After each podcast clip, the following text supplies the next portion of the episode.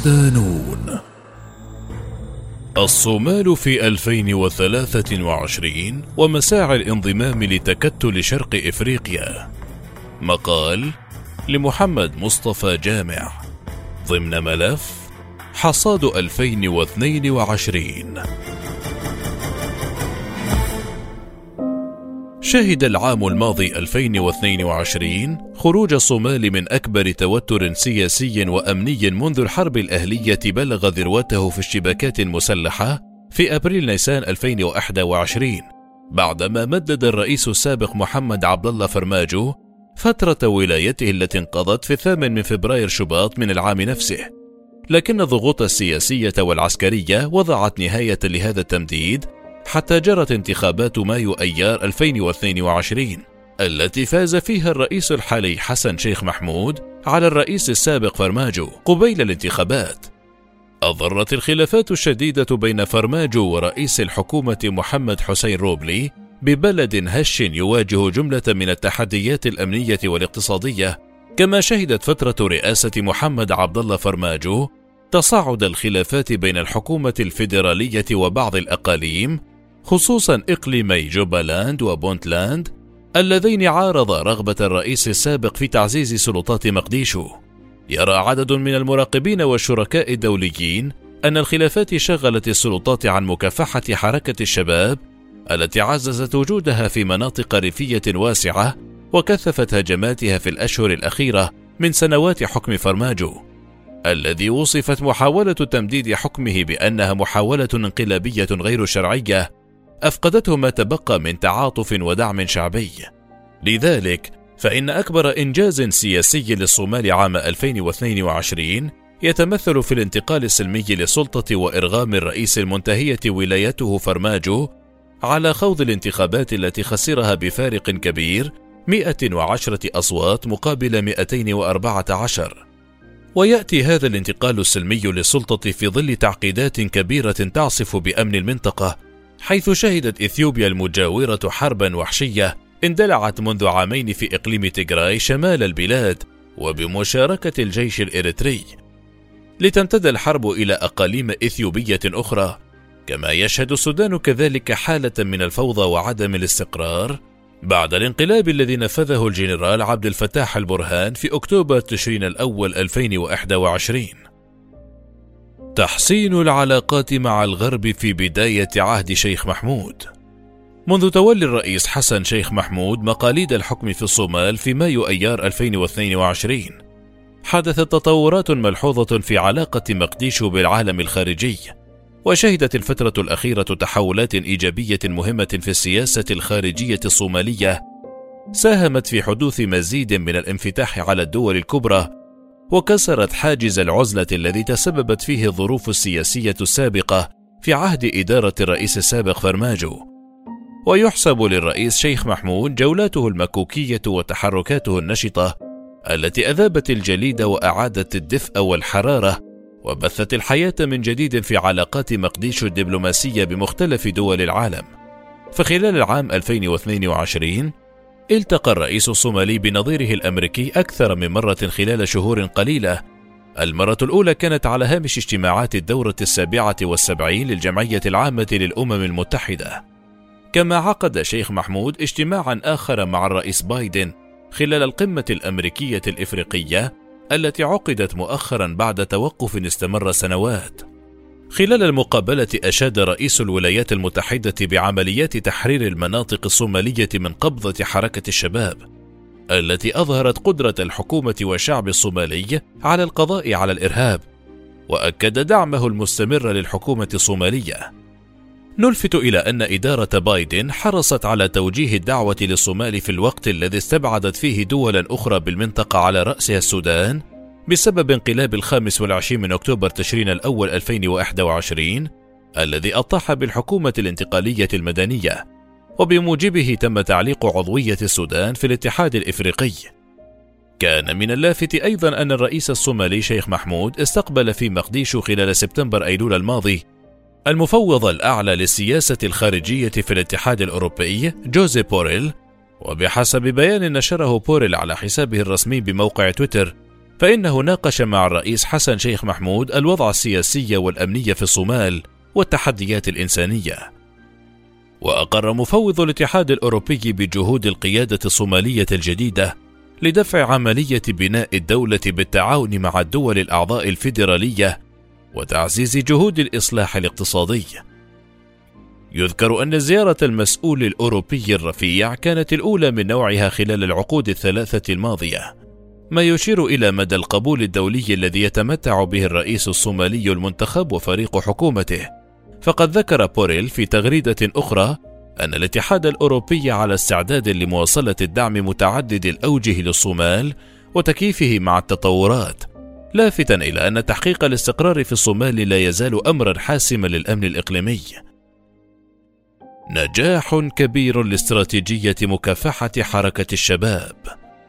كذلك حققت إدارة الرئيس الصومالي حسن شيخ محمود نجاحات مشهودة في حربها على نجاحات مشهودة في حربها على حركة الشباب المصنفة إرهابية خلال الشهور الأخيرة من عام 2022 بعد أن استطاعت تجميع حشد شعبي كبير إلى جانب القوات المسلحة. بدأت الحرب المستمرة حتى الآن منذ استلام حسن شيخ محمود الرئاسة في مايو أيار الماضي حين أعلن عن استراتيجية شاملة من عدة محاور عسكرية وفكرية واقتصادية واجتماعية للقضاء على حركة الشباب. نجحت الحملة الصومالية حتى الآن في تحرير أقاليم بأكملها مثل إقليم هارشبيلي من قبضة حركة الشباب الموالية لتنظيم القاعدة. وذكر بيان صادر من الحكومة أن أكثر من ألفين من مسلح حركة الشباب قتلوا في الهجوم المستمر ضدهم على مدى الأشهر الأربع الماضية. وقال رئيس الوزراء حزة بري إن حكومته ملتزمة بالقضاء على حركة الشباب، مضيفا أن الوقت ينفد بالنسبة للمسلحين، حيث يجري الاستعداد لفتح المزيد من الجبهات بمشاركة مقاتل العشائر القبلية إذ حاولت الحكومة استثمار ما تطلق عليه الثورة الشعبية أو ثورة القبائل الصومالية ضد حركة الشباب في عدد من الأقاليم لتتمكن من دحر التنظيم الإرهابي أو احتوائه وإضعافه على الأقل. في المحور الاقتصادي، وجه الجيش الصومالي في نوفمبر تشرين الثاني الماضي ضربة للحركة بتصفية ثلاثة من جامع الإتاوات، ما شجع الكثير من رجال الأعمال والتجار وغيرهم على رفض دفع الإتاوات لحركة الشباب. فتحرير الأقاليم من الحركة يعني فقدانها مصادر التمويل تجمعها من ثروات هذه المناطق ومن التجار والمزارعين. سبق أن رصد معهد هيرال الصومالي المتخصص في الدراسات الأمنية في دراسة اعتمدت على مقابلات بين يونيو حزيران وأكتوبر تشرين الأول 2020 مع سبعين من رجال الأعمال والموظفين الحكوميين وممثل المنظمات غير الحكومية في مقديشو والمنطقة الجنوبية الغربية وهيرشابل وجوبالاند وبونتلاند أن حركة الشباب تجمع 15 مليون دولار شهريا. إعادة الجنود الصوماليين من إريتريا المجاورة. تورط الرئيس الصومالي السابق فرماجو في إرسال جنود صوماليين بشكل سري إلى إريتريا للتدريب. فقد ذكر تقرير أممي لاحقا أن هذه القوات تم الزج بها في حرب تيغراي الوحشية بإثيوبيا للقتال دون الرجوع إلى البرلمان والجهات المعنية. وقد أحرج فرماجو باعترافه خلال مراسم تسليم السلطة لخليفته شيخ محمود قائد الجيش أدوا يوسف الذي نفى للبرلمان إرسال الجنود الصوماليين إلى إريتريا لتلقي التدريبات. اعترف الرئيس السابق وبحضور قائد الجيش نفسه بأن حكومته أرسلت خمسة آلاف جندي إلى إريتريا وأشار إلى أن الجنود استكملوا التدريبات في العام الماضي. لكن الصراعات السياسية ودخول البلاد إلى الانتخابات كان السبب في تأجيل إعادتهم إلى الصومال بحسب وصفه. لاحقا عمل الرئيس المنتخب شيخ محمود على إعادة الجنود الصوماليين إلى بلادهم. فقد كان التحالف المشبوه لفرماج والاتفاقيات غير المعلنة التي وقعها مع الرئيس الإريتري ورئيس الوزراء الإثيوبي من الأسباب الرئيسية التي شوهت صورة الرئيس الصومالي السابق محمد عبد الله فرماجو لدى الرأي العام الداخلي رغم أنه انتهج سياسات ناجحة في بداية عهده عام 2017 وعلى الرغم من أن الرئيس الإريتري إسياس أفورقي لم يهنئ الرئيس الصومالي بفوزه في الانتخابات ولم يشارك في احتفال تنصيبه فإن ذلك لم يمنع الرئيس الشيخ محمود من زيارة إريتريا في يوليو تموز الماضي بسبب قضية الجنود الصوماليين التي تعهد بأن تكون على رأس أولوياته.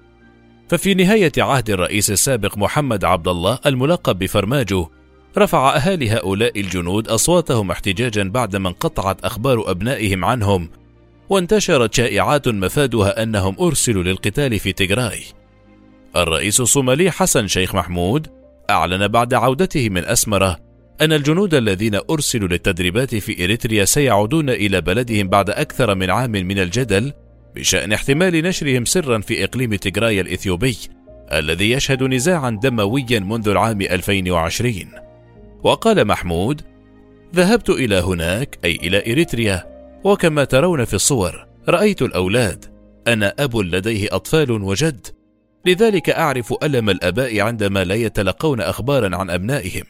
في أواخر العام 2022 وصلت بالفعل الدفعة الأولى من الجنود الصوماليين المتدربين في إريتريا إلى مطار آدم عدي الدولي بالعاصمة مقديشو وأفادت مصادر بأن 400 جندي من المجندين الصوماليين الذين تدربوا لأعوام في إريتريا عادوا على متن طائرة إلى مقديشو وسط استقبال رسمي.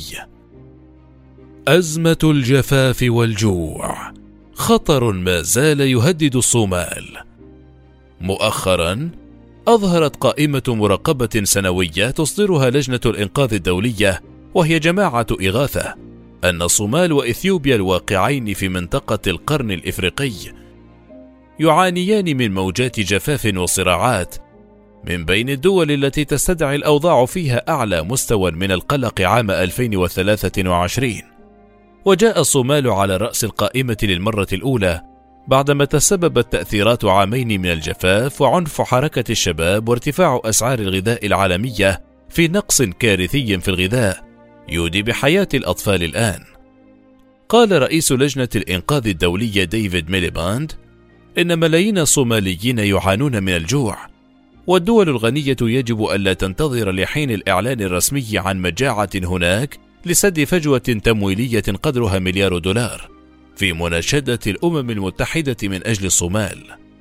وكانت الأمم المتحدة قد أعلنت في ديسمبر كانون الأول الماضي أن الصومال نجا نهاية 2022 من مجاعة واسعة النطاق بفضل تعزيز الاستجابة الإنسانية.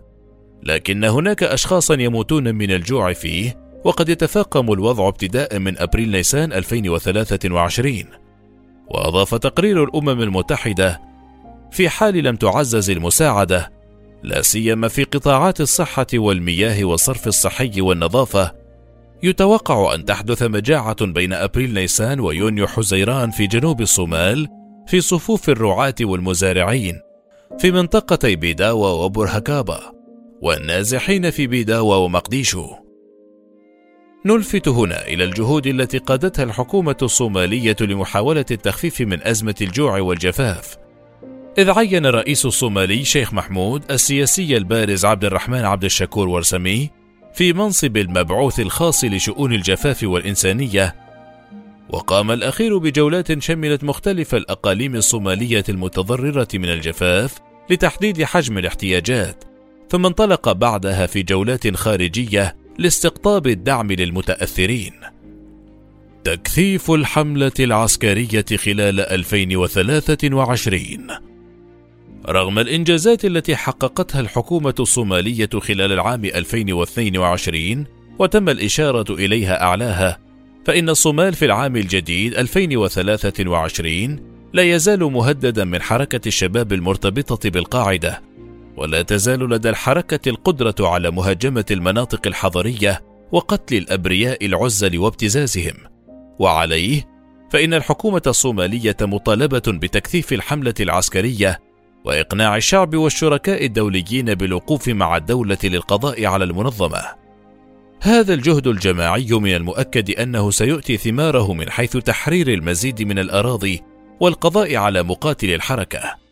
كما أن خطر شبح المجاعة يظل موجودا بعد تأثر البلد بظاهرة الجفاف التي نجم عنها نقص شديد في الغذاء وارتفاع في مستوى الوفايات بسبب الجوع وسوء التغذية إضافة إلى انتشار الأمراض مثل الكوليرا.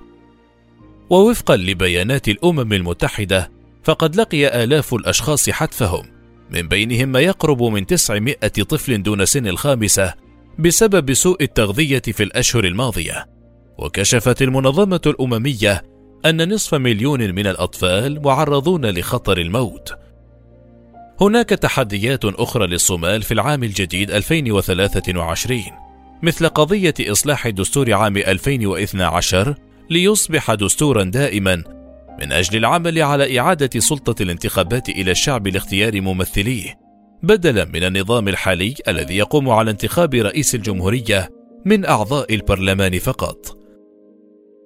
حلم الانضمام إلى عضوية تكتل شرق إفريقيا خلال زيارته إلى تنزانيا في يوليو تموز الماضي تقدم الرئيس الصومالي حسن شيخ محمود بطلب رسمي للانضمام إلى مجموعة شرق إفريقيا EAC على أمل أن يكون الصومال العضو رقم ثمانية فيها وأن يستطيع تحقيق فوائد اقتصادية بالانضمام إلى التكتل الاقتصادي الكبير الذي يضم كل من الكونغو الديمقراطية وبروندي وكينيا ورواندا وجنوب السودان وأوغندا وتنزانيا. بذل الرئيس شيخ محمود جهودا كبيرة خلال زيارته إلى مقر المجموعة تنزانيا ولقاءاته مع الدول الأعضاء في مجموعة شرق إفريقيا على هامش مشاركته في هذه القمة. وناقش معهم قضية انضمام الصومال إلى المجموعة وعليه يتوقع أن يشهد العام 2023 المزيد من التحركات والخطوات نحو انضمام الصومال إلى التكتل الاقتصادي المهم في شرق القارة السمراء. فالحصول على عضوية مجموعة شرق إفريقيا يمثل حلما لمقديشو إذ ستفتح العضوية أمامها آفاقا للتكامل الاقتصادي عبر توسيع فرص الاستثمار والتجارة والتنمية وتحقيق الاستفادة القصوى من ثروات الصومال وموارده المتنوعة بما فيها أراضيه الواسعة الصالحة للزراعة إلى جانب موقعه الجغرافي الاستراتيجي. أمنيا يتوقع أن يستفيد الصومال من التنسيق المشترك ضمن دول المجموعة لمواجهة التهديدات المتزايدة من حركة الشباب، بما في ذلك إمكانية نشر قوات عسكرية من دول التكتل لمساعدة مقديشو خاصة بعد المغادرة المتوقعة للقوات الإفريقية في ديسمبر كانون الأول 2024 وعلى الرغم من كل التحديات الماثلة تبدو إدارة الرئيس شيخ محمود ورئيس وزرائه حمزة بري متفائلة بالمستقبل. إذ شهدت العاصمة الصومالية مقديشو أواخر العام الماضي 2022 حدثا فريدا يعد الأول من نوعه بالبلاد. هو انعقاد أول مؤتمر دولي للاستثمار الأجنبي. نظمته وزارة التخطيط والاستثمار بهدف البحث عن فرص استثمارية جديدة والاستفادة من موارد البلاد الزراعية والحيوانية والسمكية والطاقة والعقارات والبنية التحتية.